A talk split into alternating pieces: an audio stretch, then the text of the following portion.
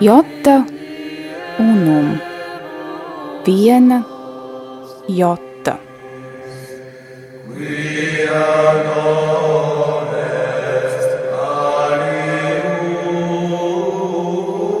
Tradīcija Skaistums, kas paceļas pāri laikam.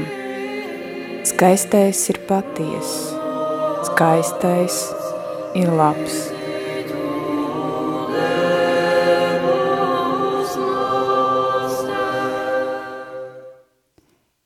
Sveicināti, dārgie radio Marija klausītāji! Mani sauc Marija Podniece. Pie skaņu pults ir mana māsa Ilze. Ar jums kopā ir raidījums Jota Unum. Raidījums skan reizi mēnesī, katra mēneša 4. sestdienā. Iepriekšējos raidījumos, ar kuriem varat iepazīties Radio Marija arhīvā, runājām par tradīciju un tradicionālismu, par liturģiju un tradicionālo latīņu misi. Savukārt šajā raidījumā runāsim par gregoriskajiem dziedājumiem, to saistību ar citiem mūzikas žanriem, tāpat uzzināsim, ko par dziedāšanu dievkalpojumā saka svētie raksti un baznīcas dotās normas. Tāpat atgādinu, ka jūs raidījuma klausītāji esiet laipni aicināti zvanīt uz studiju, lai noskaidrotu un precizētu savu interesējošos jautājumus – Um, atgādinu, ka tālruni studijā ir 67 969 131. Bet nu, laiks īsam liriskajam ievadam. Svētais pāvests Pīs desmitais par gregoriskajiem dziedājumiem ir teicis šādus vārdus. Gregoriskie dziedājumi allaž ir uzskatīti par vispārāko paraugu sakrālajai mūzikai – Tādēļ ir pilnīgi leģitīms sekojošs nosacījums. Jo tuvāk skaņdarbs, kas paredzēts atskaņošanai baznīcā, ir radis savu iedvesmu gregoriskajai formai, jo sakrālāks un liturģiskāks tas kļūst. Bet jo vairāk tas nav harmonijā ar šo vispārāko paraugu, jo mazvērtīgāks tas ir priekš atskaņošanas baznīcā. Šajos svētā pāvesta vārdos redzam gregoriskos dziedājumus kā kanonu, jebkurai mūzikai, kas tiek atskaņota svētajā misē. Kāda tad tā ir un kādai tai jābūt? Kāda ir gregorisko dziedājumu izcelsme un vēl par daudz ko citu runāsim šajā raidījumā.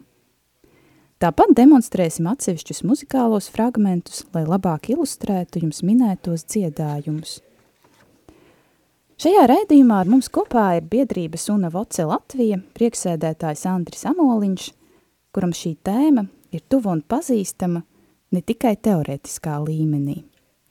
Sveiks, Andri! Sveika, Marija! Labvakar, cienījamie skatītāji! Klausītāji! Jā, klausītāji! uh, jā, tikko klausītājiem izpļāpājos, bet uh, apstiprini lūdzu, tu dziedi, vai ne? Jā, man šoreiz būtu varbūt vajadzējis drīzāk pieteikt nevis sakarā ar Runa Voču, bet ar kā ansambļa skola Sanktimē Nardī līdzdibinātāju, ko mēs savu laiku uzsākām kopā ar dziedātāju Jāni Kurševu. Bet nu, jūs joprojām darbojaties? Mēs darbojamies, jā, visādos grūtos arī sanitāros apstākļos un arī uh, kad dziedātāji dzīvo dažādās Latvijas vietās, bet mēs vēl turamies un dziedam dievkalpojumos. Gribētu arī pievērst uzmanību, ka šis raidījums skan tādā laikā, kad ievada antifona ir ļoti aktuāla, proti dāvā kungs mieru mūsu laikiem, jo neviens cits nav, kas cīnās par mums kā tu, Dievs mūsu. Jā, tieši tā, tas ir ļoti atbilstoši. Mm, tad varbūt sāksim kā ierasts ar um, definīcijām un uh, varbūt paklaus, mm, paskaidrosim klausītājiem, mm, kā izšķirt šos jēdzienus baznīcas mūzika, sakrālā mūzika, garīgā mūzika, tie ir, ats, ir, tie ir atšķirīgi jēdzieni, vai tas ir viens un tas pats, kā to varētu skaidrot? Nu, ja reizēm arī sadzīvē tos, tos jēdzienus jauc, tad uh, kādreiz ir vērts arī viņus sakārtot un par to ir parūpējusies mūsu arī zināmā katoļu baznīcā darbīgā erģelniece un arī skolotāja Jūlija Jonāne, kur ir vesela disertācija veltījuši šim jautājumam, un viņi ir to sakārtojis eh, tā, no plašākā uz šaurāko, tātad garīgā mūzika, sakrālā, reliģiskā, kristīgā, baznīcas, kulta, jeb rituāla, jeb ceremoniālā un liturģiskā vai paraliturģiskā. Tātad mēs redzam no šī sadalījuma, kā garīgā ir eh, pati vispārīgākā, ko nu katrs iesa, iesaist šajā jēdzienā, kas katram liekas garīgs, tas nu kaut kas saistīts ar garu, kā nu kat, katrs to praktizē un saprot. Tas ir ļoti subjektīvi. Tas ir ļoti subjektīvi, jā, tāpēc sakrālā jau ir mazliet šaurāk, vairāk varbūt objektīva, kas ne tikai vienam cilvēkam, bet vairākiem saistās ar kaut ko, kas ir ārpus viņiem, kas ir tas svētais, kā, kā priekšā viņi, viņi sev šķieta varbūt atkarīgi vai mazi vai kas viņam iedveš kaut kādu godbijību, tas, tas ir vai nu dievība, vai kā nu katrs to saprot. Tālāk šaurāk jau ir reliģiskā, tad, tad tas jau ir saistīts ar kaut kādu definējumu un organizētu reliģiju šī muzika. Nu, kristīgā, protams, tātad ar kristīgo reliģiju. Baznīcas, nu, tas jau saistās ar dievnamu, ar, ar kaut kādu, varbūt, pielūksmi, Tur jau šaurākas varbūt ir kulta vai rituālā vai ceremoniālā, lai gan ceremonijas var būt arī laicīgas. Nu, un viss šaurākā tad ir liturģiskā, kas ir dievkalpojuma muzika, kas jau ir, ko jau apraksta un normē liturģiskās grāmatas, un paralēli tai pastāv paraliturģiskā, kas var būt citām dievkalpojumu un tautas dievbības formām, kas nav stingri reglamentēts, piemēram, rožu kronis vai krusta ceļš un tam līdzīgi. Mm -hmm. Mazliet šie jēdzieni tiek jaukti tāpēc, ka ir latīņu jēdziens mūzika sakra, kas ir lietots baznīcas oficiālos dokumentos, īstenībā attiecas uz nevis uz to, ko latviski mums tagad klātos saukt par sakrālo, bet drīzāk baznīcas mūzika atbilst tam, tā kā mēs varētu saukt, piemēram, Romā, kas ir izglītības iestāde pontifikālais baznīcas mūzikas institūts. Mm droši vien pontifika, institūta pontifiko di muzika sakra, itāliski tā. Nu, par iedzieniem eh, mēs šādi varētu. Labi, un tomēr gregoriskie dziedājumi, zem kura tu viņus liktu šī mm, iedalījuma? Gregoriskie dziedājumi, protams, ir cēlušies tīri kā liturģiskā mūzika, tātad dievkalpojumam. Mm -hmm. Ja viņi iziet arī ārpus, piemēram, tiek izpildīti kādā koncertā, tas jau ir tā viņa blakus loma, bet pamatā viņi ir dzimuši tieši dievkalpojumam, un tur ir viņu dabīgā vide. Skaidrs, bet jebkurā gadījumā viņi, protams, var būt arī garīgā mūzika, jo tā mūs aizkustināt var arī tīri subjektīvā līmenī, vai ne? Jā, jebkurā viņi ir garīgās mūzikas, tā teikt, nu, jā, paveids, jā, nu, jā, tas ir vispārīgāks, un viņi var, viņi var, protams, arī uztvert tīri kā garīgo, un varbūt kāds cilvēks, piemēram, pērk kompaktdisku vai klausās tāpat vienkārši. Jā, vieglāk aizmigt vakaros. Jā, tad viņi var, tie, protams, kalpot visu šī, visām šīm augstākajām funkcijām, kas ir vispārīgākas par liturģisko. Mm, jā, runājot par mūzikas sakralitāti un sakrālo dimensiju, vai svētie raksti runā par mūziku, jo man šķiet, ka psalmi taču oriģinālā tika izdziedāti un tās bija dziesmas drīzāk nevis dzējoļi. Uh, jā, īstenībā jau uh, psalms ir no grieķu darbības šāda psalēna, uh, nu, skart stīgas, stringšķināt, jo tur uh, tajā laikā bija tieši stīgu instrumenti, tā kā kaut kas līdzīgs koklei, tas senebreju instruments nabla, laikam psalmos bija domāts, tāda tā, protams, ir dziedāšana, un Bībeles izdevumos vienmēr psalmam, nevis vienmēr, bet daudziem psalmiem ir klāta pat tādas kā muzikālās norādes, tur no, desmit stīgām vai... Jā, jā, tur pat melodijas ir, eh, nu, kaut kā teikts, ir jādzied tādā un tādā melodijā. Jā, augstām kā... balsīm vai tur jā, kaut kādas jā. speciālas uh, dziedātāja komandas ir norādīts koraha dēli un uh, jā, dziedātāju vadonim Jeduftunam, kas jā, ir kāds, jā, laikam, oberkantors ir bijis. Tieši tā. Ļoti reglamentēts. Un pati dziedāšana kā tāda arī ir pieminēta daudzkārt. Tur dziediet kungam jaunu dziesmu un vēl visādi citādi. Mm, bet mēs šeit vairāk jā, pievērsāmies vecajai derībai. Jaunajā derībā arī šķiet ir par um, dziedāšanu arī kas teikts, vai ne? Jā, mums ir tādas pazīstami citādi droši vien no svētā Pāvila vēstules kolosiešiem, kur viņš mudina pateicībā Dievam dziediet savās sirdīs psalmus, slavas dziesmas un garīgās dziesmas. Nu, un tāpat arī vēstule efeziešiem 5. nodaļā ir dziedādami un gavilēdami skandiniet savās sirdīs kungam psalmus un slavas dziesmas un garīgās dziesmas, pateikdamies vienmēr par visu Dievam un Tēvam mūsu kungu Jēzus Kristus vārdā. Tas nozīmē, ka mūzika ir bijusi arī pirmkristiešu vidē, nu, tai bijusi liela nozīme. Jā, noteikti, jo tas jau ir cilvēks kaut kā savas svētākās jūtas bieži vien cenšas izteikt dziesmā, vai viņš vien, vai viņš vien klusām, pat čukstus kaut kā tā ļoti intīmi sevī sarunādamies ar Dievu, vai arī gluži otrādi dziedādams un gavilēdams. Un mēs zinām, ka dziedāšana arī kaut kā ir priekštēls tam, ko svētie piedzīvos debesīs, jo arī atklāsmes grāmatā mēs lasām par uh, debesu valstīgas imītniekiem, un viņi dziedāja kungam jaunu dziesmu. Ak vai, tas nav īpaši iepriecinoši ne, ne muzikāliem ļaudīm, tādiem kā man, šķiet man nāksies mazliet praktizēt. Bet tad, tad visi varēs un mācēs. Ah, ok, tad ir jāgaida šī iejaukšanās dievišķā.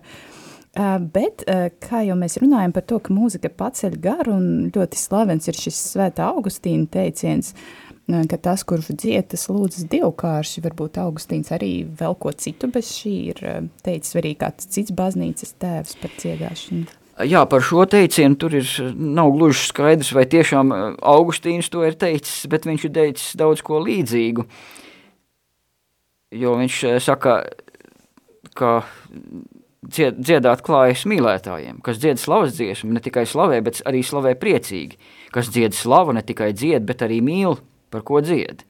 Apliecinātāja slavēšanā ir pasludināšana, bet mīlētāja dziesmā sirds pieķeršanās. Skaisti.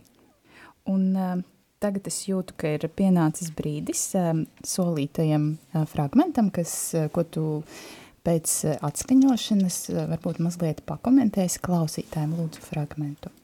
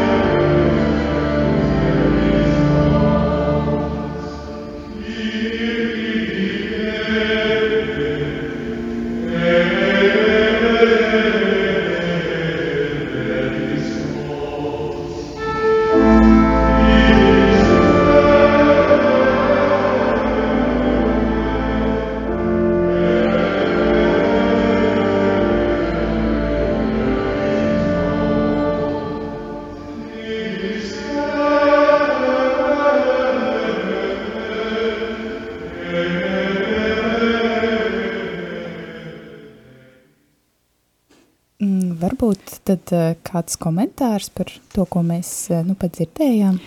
Jā, tas ir uh, dziedājums Kīrie Eleison no uh, mises uh, nemai, nemainīgo daļu, tā teikt, komplekta, ko baznīcas dziesmu grāmatas graduāli romānum sastādītāji iesaka uh, parastā liturģiskā laika, kā tagad mēdz teikt, svētdienām.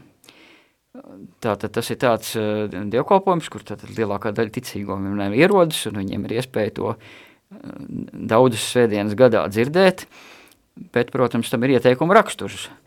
Un uh, ir arī daudz citas skirie melodijas, bet uh, šī tātad ir ļoti populāra tur, kur svin tradicionālo misi, uh, svētdienās pēc uh, Epifānijas un pēc vasaras svētkiem tieši dziedāta mises sākumā. Mm -hmm. Es nu pat dzirdēju tevis teiktajā vārdu obligāti, un tad eh, no tā izriet mans nākamais jautājums. Vai un kā baznīca regulē mūziku, kas skan dievkalpojumā? Varbūt mēs eh, varam minēt kādus piemērus no kādiem dokumentiem. Tā tad baznīca regulē to tādā veidā, kā ir dievkalpojuma rubrikās noteikts pirmkārt, kuras lūkšanas priesteris dzied dziedātās misas gadījumā, un kurus viņš runā klusām pie sevis.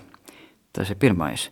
Tad ir arī zināmas melodijas šīm priesteru lūkšanām un prefācijām, tāpat arī lasījumiem, ko svinīgā misē lasa dzied faktiski subdiakons un diakons. Protams, ne visiem varbūt izdodas šīs melodijas semināru mācību laikā apgūta, tad vienmēr var izvēlēties kaut vai vienkāršāku, kaut vai dziedāt, viņas skandēt vienā tonī. Tālākais jau ir otrs regulēšanas līmenis, ir paši teksti, kādi ir jādzied, tie ir gan nemainīgās daļas, kas ir dziedājumi Kīrijai Leison, Glorija, tātad gods Dievam augstumos, ticības apliecība, kredo, svēts, svēts, sanktus un agnus dei, tātad Dieva jērs, ko nevar ar citiem aizstāt, un tad ir arī mainīgās daļas, kas ir katram misas formulāram, tās arī dotas baznīcas liturģiskajās grāmatās, un atbilstoši tam ir arī uh, grāmata graduāla romānum, kur visām tām ir dotas melodijas. Tātad to pietiek visam liturģiskajam gadam. Bet, protams, komponisti ir iedvesmojušies no šīm melodijām, ir sacerējuši daudzus arī polifoniskus skaņdarbus, arī ļoti sarežģītus, un, protams, ja ir attiecīgs svinīgs gadījums un atskaņotāja resursi, tos arī var izmantot. Jā, skaidrs. Bet kā um, es arī ievadā izmantoju šo citātu, kas ir uh, ļoti ar tādu uh, kas parāda to gregorisko dziedājumu, tādu nozīmi, kas izceļas citu dziedājumu mm, vidū. Tad varbūt parunāsim par tiem. Kāpēc tieši gregoriskie dziedājumi? Es saprotu, tam ir kāds sakars ar izcilo pāvestu Gregoru Lielo, vai ne?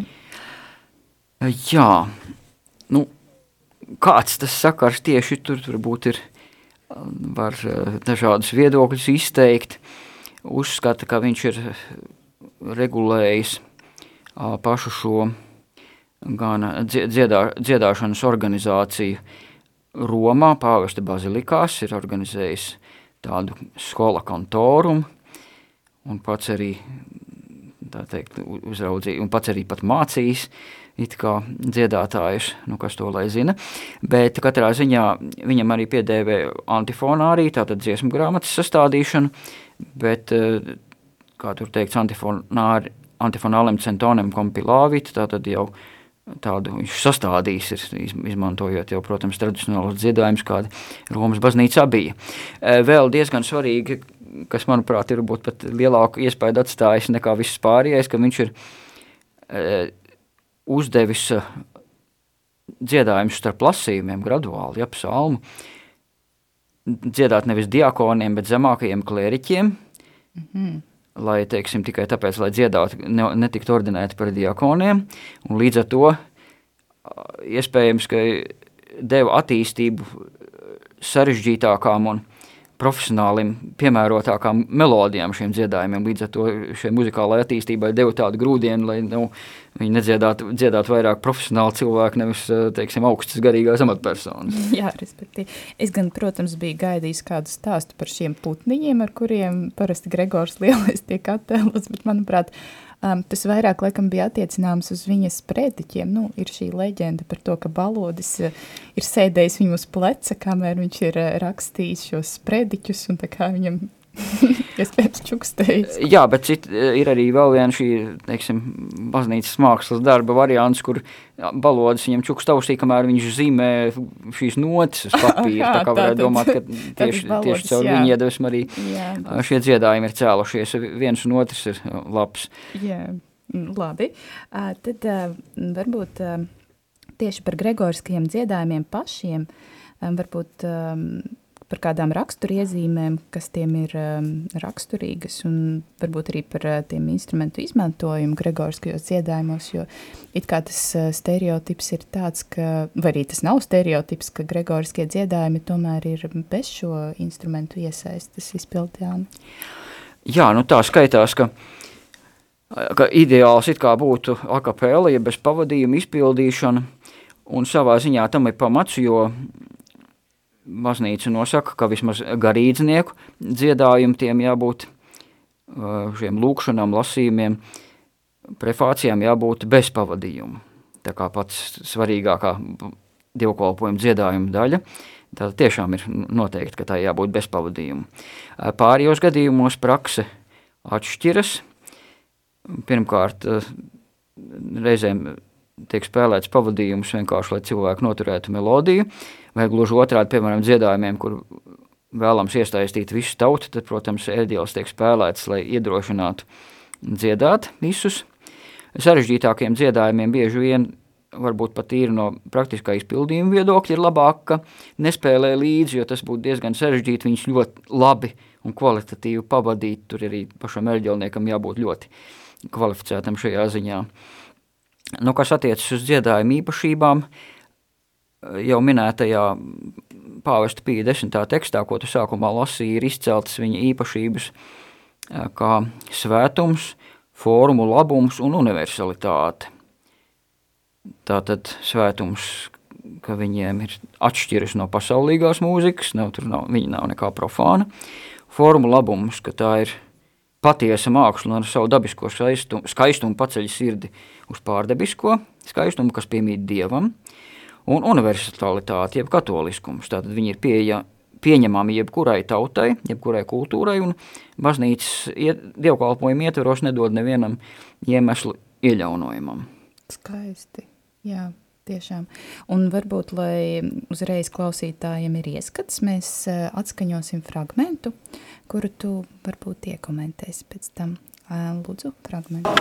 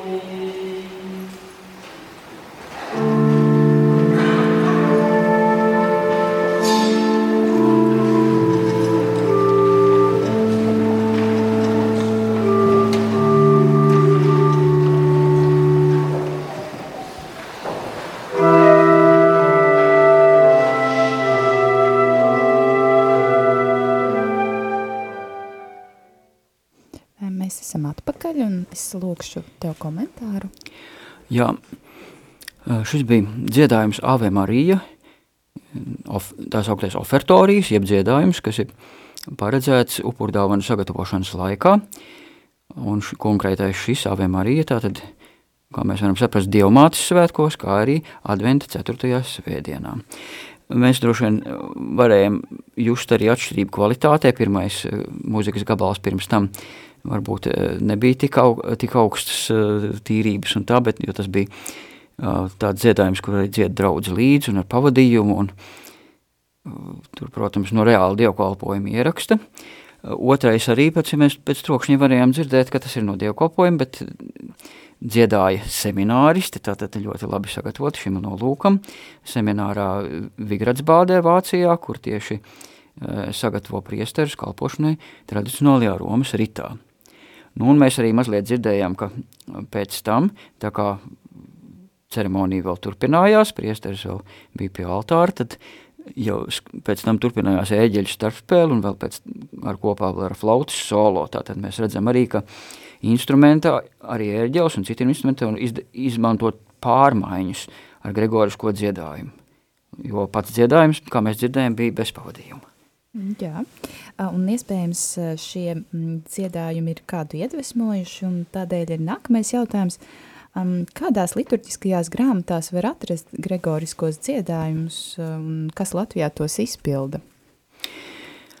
Tātad vienu grāmatu, nu ne tikai vienu, es jau pieminēju, tātad priestara dziedājumi ir pašā misālē atrodami, citi dziedājumi, tātad, kas ir domāti svētajai misē, ir tāda grāmata graduāli romānum, Tad e, citiem dievkalpojumiem ir, ir savas grāmatas, teiksim, kanoniskajām stundām ir vairāk nekā viena. E, dienas stundām, tātad no laudēm līdz kompletoriem ir antifonāla romānum, kas ir e, jau bibliogrāfisks retums. Tad dažādu, dažādu sakramentu administrēšanai un procesijām, arī bērēm, kāzām, tad ir tāds atsevišķs grāmata rituāla romānum, kur ir gan priesteram visas lūkšanas, gan dziedājumu, gan uh, priesteru, gan kantoru, visus kopā tāda apvienota grāmata. Un tad vēl ir, kā saka, praktiskajām vajadzībām izdotas tādas, varētu teikt, izlases, kur ir no šīm dažādām grāmatām savākts kaut kādām konkrētām vajadzībām, piemēram, tāds nu, mazas draudzes priesterim varētu būt noderīgs šādi izlase, kas viņam nu, vis, visdrīzāk būtu vajadzīga. Mm -hmm. Bet iespējams ir kas pieejams elektroniskā formā, lai nav jāpasūta, nezinu, milzīga grāmata, izmantojot internetu. Jā, protams, vairums šo grāmatu ir ieskanētas un pieejamas internetā, gan tieši grāmatas PDF failu veidā, gan arī ir speciāls Gregorisko dziedājumu nošu pierakstu programmas, kur kur šīs notis ir pieejamas jau koda formātā, kā kāds var arī sevi izdrukāt un arī pats rediģēt un pārveidot savām vajadzībām, un ir interneta vietnes, kur visu to var atrast. Mm -hmm. Un um, kas Latvijā izpilda Gregoriskos dziedājumus, jau saprotu, raidījuma sākums mazliet pateica priekšā, bet uh, nu, vai ir vēl kādi, nezinu, kolektīvi, kas... Jā, nu visvairāk varbūt plašām skatītāju aprindām pazīstams skola kontorum Rīga, ko vada Gunters Prānis, tagadējais muzikas akadēmijas rektors, kas arī plaši koncertē. Tad ir vēl viens tad, sieviešu ansamblis, Voks Jubilantis, ko vada mūsu arī tieši manis nosauktā Romas baznīcas mūzikas institūta doktorante Laina Tabore. Un arī jā, mūsu ansamblis eh, skolas Sanktīmē Nardī, kas dzied dievkalpojumos arī Latvijā, kur Ogras baznīcā tiek svinētas tradicionālās Romas mises un arī dažos citos dievkalpojumos arī ir dziedājis eh, vesperēs Svētā Jāgapa katedrālē, vēl dažos gadījumos. Nu, es pieļauju, ka daži vismaz tādi populārākie gregoriskie dziedājumi tiek izpildīti arī vairākās Latvijas draudzēs katedrālē, Marijas Magdalēnas baznīcā, kur arī labs šo dziedājumu pārzinātājs Rihards Dubra un komponists darbojas. Mm -hmm. Respektīvi, mēs varam izdarīt secinājumu, ka gregoriskie dziedājumi, nu, viņus dzied diezgan plaši principā. Tas nav tā, ka ir viena apvienība muzikālā, kas, to, kas tos izpilda, ka tomēr nu, tā ir diezgan tāda vitāla tradīcija baznīcā.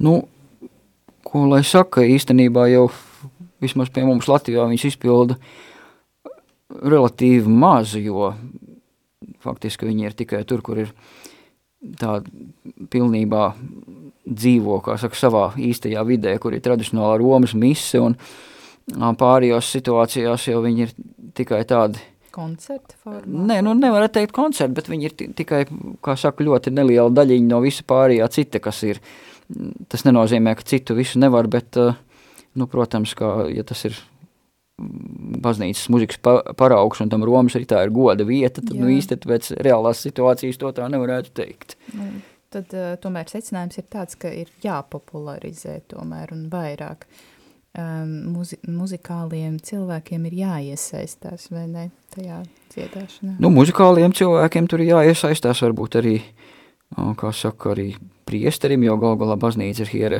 hierarhiska būšana, Jā, un priesterim būtu jā, jāvada kaut kā šis process. Mm -hmm. Labi, tad par gregorisko dziedājumu veidiem. Vai gregoriskie dziedājumi tikai viens kaut kāds konkrēts veids, vai arī viņi iedalās kaut kā vēl Nu, mēs jau daļai aizskārām proti šos garīdznieku dziedājumus, kas ir lūkšanas prefācijas lasījumi. Tad ir šīs visi misas dziedājumi mainīgie, nemainīgie, un tad ir dažādi kanonisko stundu dziedājumi. Bet citādā veidā viņus var arī dalīt pēc tā, kādi teksti ir. Tātad lielākoties tie ir svēto rakstu teksti, vispirmām kārtām psalmu. Un tātad šādu dziedājumu pamatā pirmkārt ir šī speciāls dziedāšanas veids psalmodija. No tā iz, īstenībā izriet nākamais jautājums. Gregoriskajos dziedājums tā tad dzied ne tikai svētajā misē, vai ne? Jā, jā. Visvairāk, lielākā daļa Gregorisko dziedājumu pēc, tīri pēc daudzuma ir tieši kanonisko stundu dievkalpojumos. Nu, pašlaik gan ir situācija tāda, ka uh, tos lielākoties notur garīdznieki, tā teikt, lasot privāti no breviāra. Un uh, publiski tas notiek daudz retāk, nu, protams, ir katedrālē ir vesperis un vienā otrā draudzē arī svētdienās. Otrs gadījums ir, kad tiek dziedāts aizlūgumi par mirušajiem, tās augtās eksekvijas. Tiesa, tās tas sastāv galvenokārt no psalmiem un no, uz psalmiem balstītām citiem dziedājumiem, responsoriem, piemēram. Nu, bet, ja gribi visas stundas, visā to krāšņo dzirdēt, tad laikam ir tikai o, to varbūt klosteros, un arī ne visos var sastapt tagad. Nu jā, tas ir sarežģīti šķiet. Mm, bet, lai nebūtu tikai sausa teorija, mm, es lūkšu atskaņot fragmentu, ko atkal tu komentēsi. Dixit Dominus Domino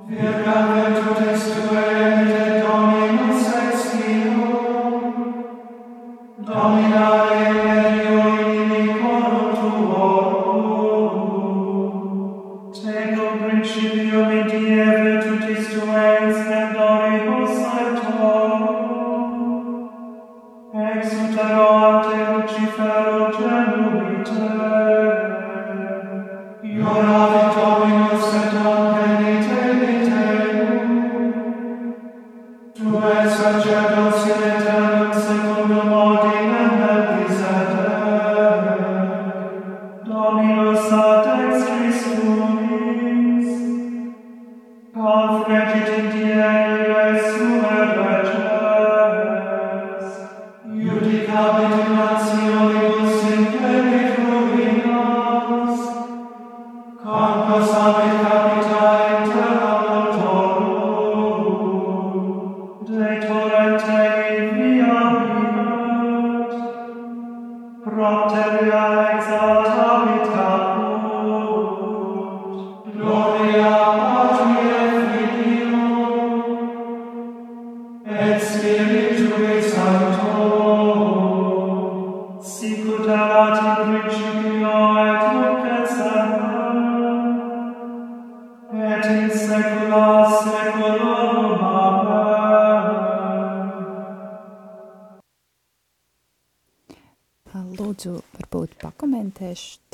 dzirdēto fragmentu. Jā, tas ir iesākums tipiskām svētdienas vesperēm latīņu valodā. Tā tad ir antifona un 109. psalms, bet psalma beigās tiek pagodināta visvētākā trīsvienība un atkārtojas antifona. Antifona arī pat ir ņemta no psalma teksta ko mēs ievērojām, varbūt klausoties, ka katrs pantiņš sastāv no tādām divām daļām ar pauzīti vidū, jo tas ir tipisks psalma panta forma, un tieši tāpēc viņš pievērots šādai dziedāšanai, parasti dzied, piemēram, vai nu kantors un visi pārējie klātesošie, vai arī, nu, piemēram, mūku korī, vai viņi sadalās kopiena divās daļās, katrs sēž uh, savā pusē un viena dzied vienu pantu, otri otru, kamēr viena dzied, otri klausās. Un ar acīm paskatās, sagatavojas šai dziedāšanai, un arī varējām redzēt, tātad lielākā daļa melodijas ir uz vienas nots, un šie nelielie melodijas gājieni ir kā pieturas zīmes, teiksim, komats, kols vai punkts. Līdzīgi ir arī lasījumos un lūkšanās. Bet ir arī cita tipa dziedājumi, tās ir metriskās himnas, kur ir, kuras ir nav no svētiem rakstiem, bet kas ir dažādu baznīcas dzēniekus atcerēts. Daudzus mēs nezinām, bet daudziem ir pieņēmumi, kas varētu būt autors, varbūt pa citiem mēs zinām labāk. Viens piemērs ir daudz kur baznīcā dziedāts tantum ergo sakramentum, pie pasvētīšanas ar visvētoko sakramentu. Jā, tur ir viens vēl ir bieži vien tiek dziedāts arī, kas, nav, kas arī metriskas, bet mazliet citādāka tipa ir sekvences. Viena no tādām ir diēsīra, kura mazliet pārveidotā veidā ar latvisku arī viņās pastar dienas briesmās. Viņa gan ah. tur tiek izmantota kā procesijas dziesma, nevis sekvence, bet Un tad ir vēl arī eh, dažādi citi žanri, kā antifonas, ko mēs nu pat vienu dzirdējām psalmu sākumā un beigās, tādi īsi, nu, citreiz arī netik īsi lielos svētkos, dziedājumiņi, kas tādi individuāli, līdzīgi ir arī tikai sarežģīti ir misas eh, dažādas daļas, introīts, ofertorijas, ko mēs dzirdējām pirms tam komunija. Un arī kanoniskajās stundās ir dažādi sarežģītāki dziedājumi responsoriji, ko varbūt arī uh, bērēs vai aizlūgumos par mirušajiem mēs dzirdam liberā mē vai viņa latviskojumu pasargā mūsu kungs un dievs. Jā, tā patiesi ir. Mm, un tomēr atgriežoties pie mūzikas instrumentiem, vai tās ir tikai ērģeles vai arī kādi citi mūzikas instrumenti, kas skan kā pavadījums? Ērģeles baznīca ir izcēlus kā īpaši dievkalpojumam piemērotu instrumentu. Tas varbūt ir saistīts ar to, ka Rietumu baznīcā, Rietumu Eiropā viņš ienāca samērā vēlu, ap varbūt desmito gadsimtu, tātad jau tur bija izveidojušās dziedājuma tradīcijas akapella, un kā viņas tieši uzreiz, kad viņas ienāca, viņas sāka lietot baznīcā, tad uh, Visu šo gadsimtu laikā tas eh, tika uztverts kā tipisks baznīcas instruments. Nu, austrumos, kur šīs eģeles cēlušās, Grieķijā, Bizantijā, tur bija savādāk, tur viņas bija pazīstamas vispirms kā laicīgs instruments, un tāpēc arī baznīcā viņas neieviesās.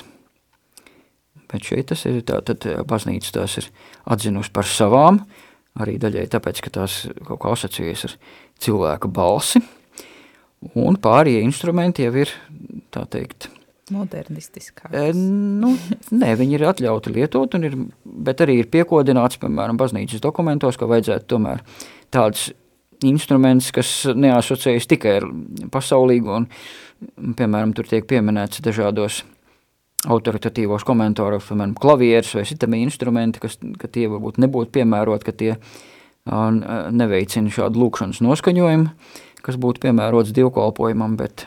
bet kā būtu ar ģitārām? Nu, ģitāra arī varbūt e, gluži nē, jo tas arī tāds, nu, kā saka, instruments, kur ir, nav šīs skaņas turpinājuma, kāds ir ciedāšanai vai ērģelēm. Un, un tā, līdzīgi kā klavierēm, tas arī ir stīga instruments, bet ar šādu varbūt citu skaņas veidošanas paņēmienu. Un, un tāpēc, piemēram, tiek ieteikts drīzāk lietot tādus instrumentus, kur šī uh, turpinājuma, ja nepārtrauktības skaņa, kas būtu stīgu lociņa instrumenti vai arī pūšamie instrumenti, kādus izmanto, piemēram, simfoniskajā orķestrī, uh, neiesaka varbūt īpaši kā šādas instrumentālās grupas vai orķestras solo dievkalpojumā, bet, uh, ja tas ir uh, kā pavadījums kādai, piemēram, svētās mises kompozīcijai, kādas mēs zinām no klasiskās mūzikas komponistiem, tur Mocards vai Beethovens, tad tos izmantot, piemēram, kādā svinīgā dievkalpojumā lielā katedrālē varētu. Bet citādi tomēr tiek ieteikts pavadījumiem izmantot ērģeles, un jo vairāk arī solo, piemēram, pārmaiņas dziedājumus un ērģeles, kur laikam ir tas ir pats tas pirmais variants, pats mm. sākotnēji, kā tas bija. To, to var darīt, izņemot, kā pie, tiek pieteikts gavēņa laikā vai citās misēs ar gandarīšanas raksturu, kur varbūt ir neiesaka ērģeļu solo, bet tikai pavadījumi, ja nepieciešams, un varbūt, teiksim, tādā lielajā piekdienā vispār tikai un vienīgā kapela. Skaidrs. Protams, uzreiz ilustrēsim to ar muzikālu fragmentu.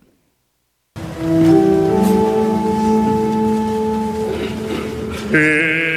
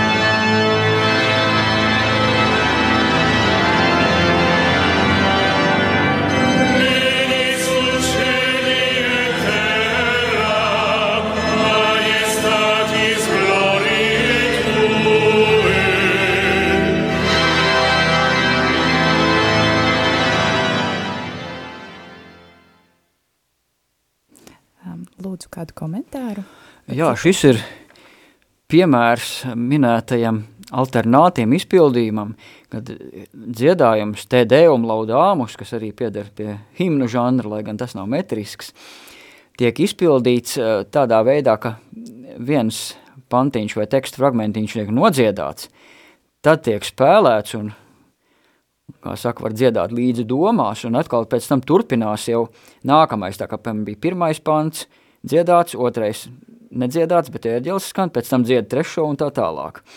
Viduslaikos tas bija diezgan populāri, pašlaik varbūt netik ļoti, bet ir dažas katedrāls, kur šī tradīcija tiek turpināta. Konkrētais ieraksts bija, cik es zinu, no Parīzes Dievmātes katedrāles, un mēs dzirdējām tās ērģeles, kas laikam tagad ir izjauktas un gaida, kad būs katedrāla atkal restaurēta. Jā, jā. Nu, jā, tāds, tāds arī Ieraksts paņēmiens, kā var, jā. kā var uh, atskaņot uh, muziku Dieva godam arī šādā veidā, kas uh, varbūt arī uzsver tieši arī iekšējās lūkšanas un iekšējās dziedāšanas nozīmi šajās brīdī, kad ērģeles skan. Jā, tas bija ļoti skaisti un tiešām episki. Um, bet tagad varbūt parunāsim īsi par gregoriskajiem dziedājumiem un tautas valodu. Kādas ir šo abu attiecības?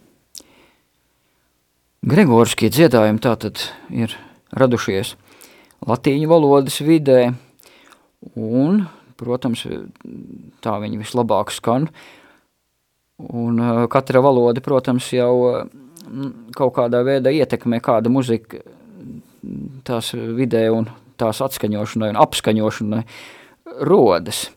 Un īpaši gregoriskie dziedājumi tie kalpo tekstam, kā jau es minēju, ka šīs trīs Gregorisko dziedājumu pazīmes, viņas var arī vilkt paralēls ar trim evaņģēliskajiem padomiem – šķīstība, nabadzība un paklausība. Šķīstība bija tas tieši tas, ka viņas ir domāt tikai dievnamam, nabadzība būtu šie vienkārši izteiksmes līdzekļi, vienbalsība. Tad mēs neesam uzsvēruši, ka viņi ir vienbalsīgi tieši. Mm -hmm. Un uh, ievēro, ierobežotais motīvu klāsts un tonalitāšu. Un trešais ir paklausība. Un šajā gadījumā ir svarīgi, ka melodija cieši turas pie teksta un faktiski tam kalpo, to izgaismo, to skaidro tādu kā liturģiskā ekseģēzi šim tekstam. Un tieši tāpēc piesaist pie valodas ir diezgan svarīgi. Bet uh, šie dziedājumi ir dažādā veidā mēģinājuši pārvarēt valodas barjeru, un mēs jau minēju piemēru, kur ir šis visu svēto sakramentu, kas ir atzējots latviski, un pilnībā izmanto šo oriģinālo gregorisko melodiju. Tad ir arī citi piemēri, kur melodija ir adaptēta. Tad viņās pastardienas briesmās tā ir it kā tā pati melodija, bet, piemēram, tur ir, nav vairs šie locījumi, melismas, viņi ir viena zilba, viena nots, tādā veidā tiek dziedāta. Un tad ir arī, tiek, kur tiek adaptēta nevis melodija, bet adaptēts pats Gregors kā dziedājuma princips. Tie ir, tās ir piemēram psalmu melodijas, kā vesperes dzied latviski un latgaliski. Tad arī ir īpaša melodija šim 46. psalmam, es atvainojos, ne 45. psalmam, ko dzied kopā ar stundu dziesmām. Un tad ir arī vēl citi dziedājumi, kas arī izmanto Gregorisku principus, proti, piemēram, es esmu veicināta karaliene, svētais dievs un tam līdzīgi. Tātad šādas adaptācijas ir iespējamas. Adaptētas ir arī, protams, vienkāršākas melodijas, kur priesteru dziedājumi, lūkšanas prefācijas. Nu, ir arī daži piemēri no kaut kur internetā var atrast lapušu Um, attēls no 19. gadsimta indiāņu misijām Kanādā, kur ir kādā no Amerikas indiāņu valodām adaptēta visa gradu vālu romānum ar visām melismām un locījumiem. Nu, nepārzinādams valodu, nevar teikt, cik tas ir veiksmīgi vai nē. nu, domāju, ka diezgan veiksmīgi tomēr. Um, un Varbūt um, noslēdzot raidījumu, mazliet pieskarsimies citiem mūzikas žanriem un to attiecībām ar gregoriskajiem dziedājumiem. Uh, jā, tā tad baznīcas tradicionālā la latīņu mise un arī visi citi tradicionālā latīņu dievkalpojumi, vesperis un tam līdzīgi ir iedvesmojuši visos laikos komponistus, labākos, tā teikt, muziķu spēkus, kas ir komponējuši milzīgi daudz šīs tieši liturģiskās mūzikas, lai atceramies Mocerta, Beethovena, Haidna, abu brāļu Haidna un daudz citu komponistu mesas un arī mazliet nesenākos laikos, arī pirms viņiem. Tāpat mēs zinām Monteverdi Vesperis un ar dažādas tā kā dziedājumus kā Magnificat, tas ir Baha un Hendeļa un daudziem citiem slaveniem komponistiem, un arī uz šo varbūt liturģisko tekstu pamatu ir tapušas arī cit, cita mūzika, kas nav tieši dievkalpojumi, kas ir vairāk šī sakrālā vai garīgā vai reliģiskā, tātad, kur izpildīt koncertos, un, un šādā veidā ir radi, radies žanrs oratorija, ko svētais Filips un arī tieši rīkoja šādus garīgus koncertus ārpus dievkalpojumu ietvariem, tā teikt, savu garīgo bērnu katehēzei un, tādas visādas iespējas ir, un pašā dievkalpojumā arī. Baznīca pat ir radījusi, zinām, tādu, nu, muzikas žanru hierarhiju, kas vadās pēc tā principa, ko tu pašā sākumā nolasīji, tuvība Gregors kā dziedājuma principiem. Tātad viņi ir nosaukta tieši Romas skolas polifonija, un pat kā vienīgais komponists, kas ir nosaukts baznīcas dokumentos Palestrīna, un tad arī citi protams, muzikas žanri tādā mērā, kā viņi atbilst, protams, dievkalpojumu principiem. Skaidrs. Esam arī sagatavojuši nelielu fragmentu, ko atskaņosim.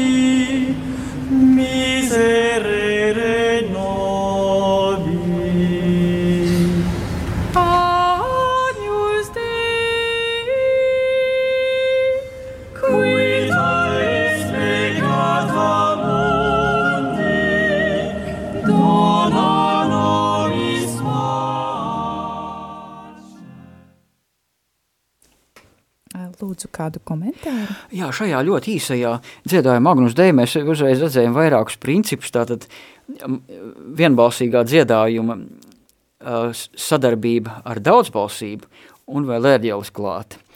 Un vēl viena lieta, šis vienbalsīgais melodija, jeb kantus firmus šajā gadījumā nav tradicionālā gregoriskā melodija, bet 17. gadsimtā sacerēta, nu, izmantojot principus, varētu teikt tāda neo vai pat pseido gregorika, bet viņi ļoti labi arī šajā visā dievkalpojuma iedarās un nu, tādu var izmantot, un īpaši Francijā ir ļoti bagātas šādas tradīcijas. Jā, um, diemžēl laika trūkuma dēļ mēs nevaram turpināt um, attīstīt aizsākto sarunu, bet kā noslēdzot šo jautājumu, vai rezumējot mūsu sarunu, mēs varam teikt, ka varam ar drošu sirdi piekrist pāvestam Pijam desmitajam par to, ka gregoriskie dziedājumi tomēr ir šis kanons, pie kā mums jāturās. Jā, jebkurā gadījumā, jo nu, tā ir pati, pati dievkalpojuma dziedāšana, tā ir viņa, kā saka, sastāvdaļa, nevis papildinājums, protams, mēs viņam varam piekrist. Jā, labi, prieks to dzirdēt. Nu, pāvestus mēs neapstrīdam šajā raidījumā, jebkurā gadījumā. Paldies tev par sarunu, Andri. Paldies par uzaicināšanu, paldies klausītājiem. Tātad Um, ar šo raidījumu um, noslēdzas Jota unum ievad cikls. Nākamajā raidījumā aizsāksim teoloģiski filozofisko ciklu, uh, kas tiks atklāts ar sarunu par transcendentālijām. Tas ir labo, skaisto, patieso. Tādēļ noteikti palieciet ar mums, mēs sarežģītas lietas skaidrosim vienkārši. Bet nu pievērsīsimies aktualitātēm. Pirmā no tām ir tradicionālā latīņu svētā misa, kā ierasts, tiks celebrēta mēneša 4. sestdienā, tas ir rīt, 23. janvārī, pulkstens 12.00 ogrē. Ja ir iespēja, esiet laipni aicināti. Un aktuālā informācija, kā vienmēr, ir runa WhatsApp blogā. Redījums Jotūnum tāpat atkārtoti aicina parakstīties par tradicionālās ģimenes jēdzēju nostiprināšanu satversmē, būsim sabiedriski aktīvi un parakstīsimies – Atgādinu, ka elektroniski to var izdarīt interneta vietnē latvija.lv slīpsvītra PV vai arī pie zvērnātiem notāriem vai parakstīšanās vietās pašvaldībās. Un tāpat trešā aktualitāte būsim aktīvi un iesaistīsimies sinodālajā ceļā, kas šobrīd notiek, un iestāsimies par tradicionālo latīņu svēto misi, aicinot to padarīt plaši pieejamu visā Latvijā. Tā ir mūsu iespēja tikt uzklausītiem, jo no rakstiem ir skaidrs zināms, kas klauvē, tam tiks atvērts. Visbeidzot, paldies tiem, kas atbalstīja un atbalsta savās lūkšanās. Uz drīzu tikšanos!